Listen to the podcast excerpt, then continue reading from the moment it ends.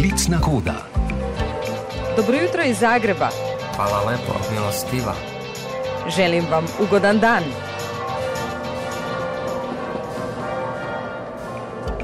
Klicna koda. Nič, nič, 385. In današnje ponedeljkovo jutro, kot je moč ugotoviti že iz našega aviza, odhajamo na Hrvaško, kamor se je po zadnjih uradnih podatkih zateklo 10.400 ukrajinskih beguncev. Hrvaška vlada je za nje, kot tudi za svoje državljane, ki so beguncem pripravljeni pomagati, odprla posebno spletno stran Hrvaška za Ukrajino in brezplačno telefonsko številko, na kateri lahko dobijo vse potrebne informacije. Kakšen je odziv ukrajinskih beguncev pa zdaj sprašujem našo zagrebsko dopisnico Tanjo Borčič Bernard. Tanja, pozdravljena, dobro jutro. Dobro jutro.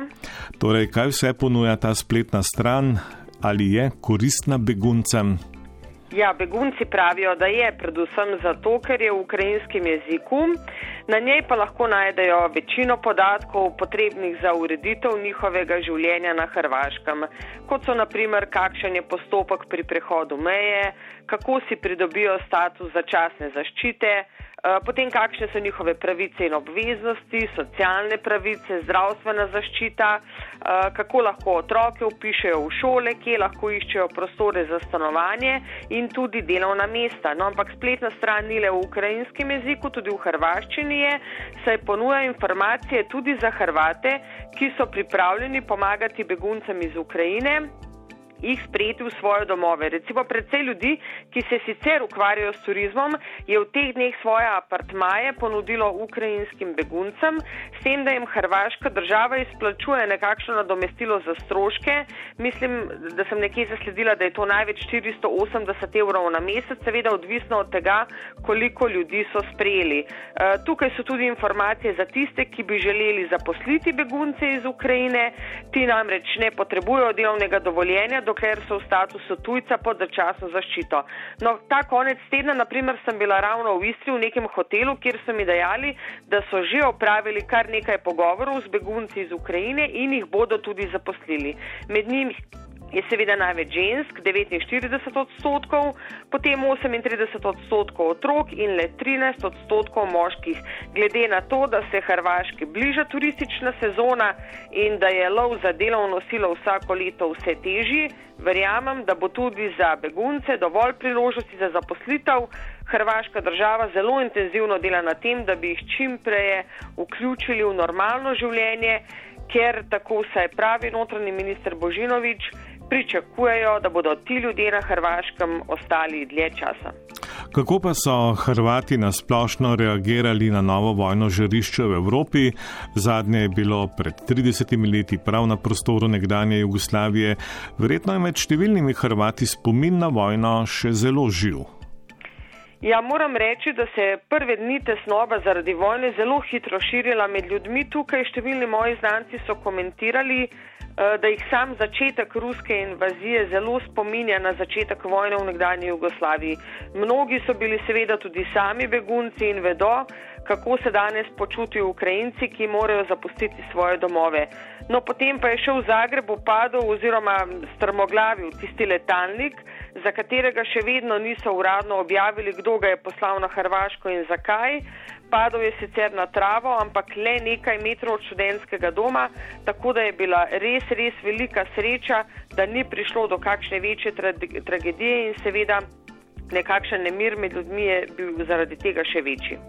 Ja, Tanja, o tem letalniku ruske izdelave smo najprej slišali, da gre za izvidniško brezpilotno letalo, poznaje pa, da je bila na letalniku bomba in eksploziv. Je zdaj že uradno jasno, kaj je bilo na tem letalniku? Mislim, da bi, kar se tiče tega letalnika, lahko za kakšen učbenik kriznega političnega komuniciranja uh, navedli kot primer katastrofalnega ne, komuniciranja. Oblasti so namreč najprej dejale, da gre za izvidniški letalnik, ki je programiran tako, da se s posnetki. Posnetimi podatki vrne na mesto, odkudar je poletel. No, dva dneva po strmoglavljanju je okrog letalnika, ki je bil takrat še vedno v zemlji, hodil in z mobitelom snemal tudi sam premijer Plenković, da bi le dan kasneje obramni minister Banožič dejal, da letalnik ni bil izvidniški, temveč je bila na njem 120 kg bomba. Javnost je bila seveda presenečena, posebej zato, ker letalnik pri strmoglavljenju ni eksplodiral. Pa tudi številni vojni analitiki in bivši vojni piloti so dejali, da bi 120 kg bomba raznesla pol študentskega centra. Eh, premijer Plenković je najprej podprl trditve svojega obramnega ministra, eh, celo fotografijo fragmentov bombe je kazal na novinarski konferenci, da bi par dni kasneje začel govoriti o bombi, ki bi lahko vsebovala eksploziv in ne več o eksplozivu kot o dejstvu. Eh, Hrvaška Nova TV je potem še izviral v centru za forenziko izvedela, da eksploziva niso našli, tako da za zdaj vlada uradno ostaja pri tem, da je bomba na letalniku bila, medtem ko o eksplozivu še vedno ne vemo ničesar. Kakorkoli o takšnih zadevah je res bolje molčati, dokler preiskava ni končana, zato ker takšna zmeda z informacijami, kot sem že dejala, le vnaša nepotreben nemir med državljani. Ja, nemir med ljudmi pa povzroča tudi napovedana rast cene energentov, električne energije in plina, ki je hrvaška podjetja že šokirala, državljani pa bodo podražitve občutili od 1. aprila dalje. Za koliko naj bi se zvišali računi in kako si bodo te podražitve lahko privoščili državljani? Ja, po napovedih vlade bo električna energija se bo podražila za slabih 10 odstotkov, plin pa za največ 20 ampak to z vladnimi ukrepi. Če teh ukrepov ne bi bilo, če vlada ne bi znižala DDV in subvencionirala ceno plina, potem bi se elektrika podražila za 23 odstotkov, plin pa za kar 78. Eh, v hrvaškem elektrogospodarstvu so že izračunali, da se bo račun za električno energijo za povprečno hrvaško gospodinstvo podražil za okrog 4 evre mesečno, ampak večje podražitve bodo občutili tisti, ki se na elektriko tudi ogrevajo ogrevajo. E, za plin je vlada znižala DDV z 25 na 5 odstotkov, vendar le na leto dni, potem bo DDV zvišala na 13 odstotkov. E, socialno najbolj ogroženi državljani bodo od države dobili mesečne bone za elektriko in plin, ker je za njih tudi najmanjša podražitev preveč, e, pa tudi upokojenci s pokojninami do 530 evrov. Bodo dobili enkratno finančno pomoč, najvišja bo 160 evrov. Ker visoka cena energentov vpliva tudi na ceno hrane in vsega drugega, je vlada znižala DDV tudi na sveže meso, jajca, sadje, zelenjavo, uh, jedilna olja, uh, maslo, margarino in še na marsikaj. Zdaj, ali se bo vse to skupaj res pocenilo, pa je odvisno od trgovcev, kajti ti na koncu oblikujejo cene posameznih izdelkov. Pred dnevi ste na Hrvaškem zaznamovali drugo obletnico zagrebskega potresa. Tanja, vedno, ko se slišiva, praviš, da obnova stoji, se je zdaj končno kaj premaknilo in ne na zadnje, kje živijo ljudje, ki so ostali brez domov zadnji dve leti. Ja, se je premaknilo. Pred tednom dni so v strogem središču Zagreba končno podrli stavbo, ki je postala simbol pozabljene popotresne obnove mesta. Dve leti smo hodili mimo in gledali v nekdanja stanovanja ljudi, saj je del zida odpadel. E, številke govorijo vse, konstrukcijsko obnovljenih stanovanskih stavb v dveh letih nič, nadomestnih hiš za tiste, ki so živeli v družinskih hišah nič, organizirane nekonstrukcijske obnove nič. No, nekonstrukcijska obnova, ki pa so jo financirali sami lasniki, država pa je povrnila del stroškov, teh pa je bilo nekaj več kot tisoč. In eh, na dan, ko sta menili na tanko dve leti od potresa, je nek televizijski kanal tukaj na Hrvaškem v zam prikazoval pričevanja ljudi, ki so ostali brez domov ali živijo v napol ruševinah. In nekakšen zaključek tega ne bi bil, da so ljudje obupali, ničemur več ne verjamejo, e, izgubili so vso upanje, da jim bo država pomagala, sprijaznili so se pač s tem, da v svojih starih stanovanjih ne bodo nikoli več živeli.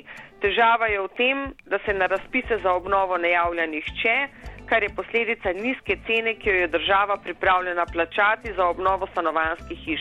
No, ampak tudi obnova javnih poslopij poteka počasi za njih je denar zagotovljen iz Evropskega sklada solidarnosti 680 milijonov evrov, pa tudi brez tega denarja bi Hrvaška skoraj da ostala.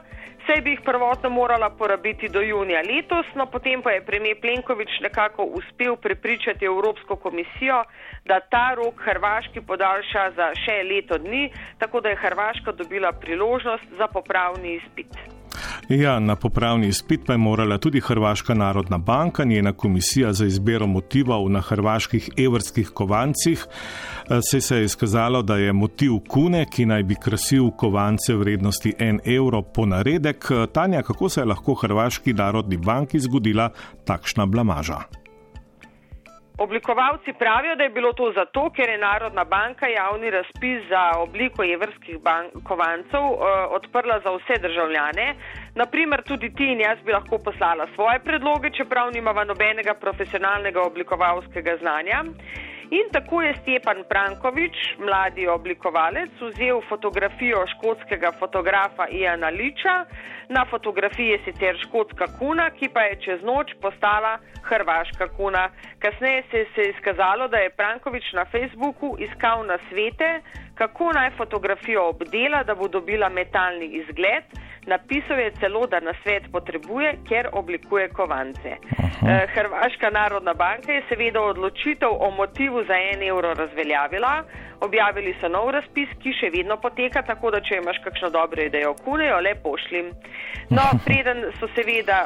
Um, Je bil pa, zanimivo pa je, da je bil avtor sporne škotsko-hrvaške kune vsaj iskren, ko so razglasili zmagovalne motive, preden so seveda odkrili, da gre za ponaredek plagijat in je lepo iskreno dejal, da se je prijavil na razpis zaradi denarja. Uh -huh. Nagrada za prvi izbor je bila skoraj 10 tisoč evrov, brez katerih je mladi avtor na koncu ostal, ampak saj veš, kako pravijo, kdor prizna, se mu pol oprosti. Tako, Tanja Borčič Bernard, hvala lepa za vse povedano. Uspešen teden v Zagrebu ti želim. Srečno. Srečno tudi v Ljubljano.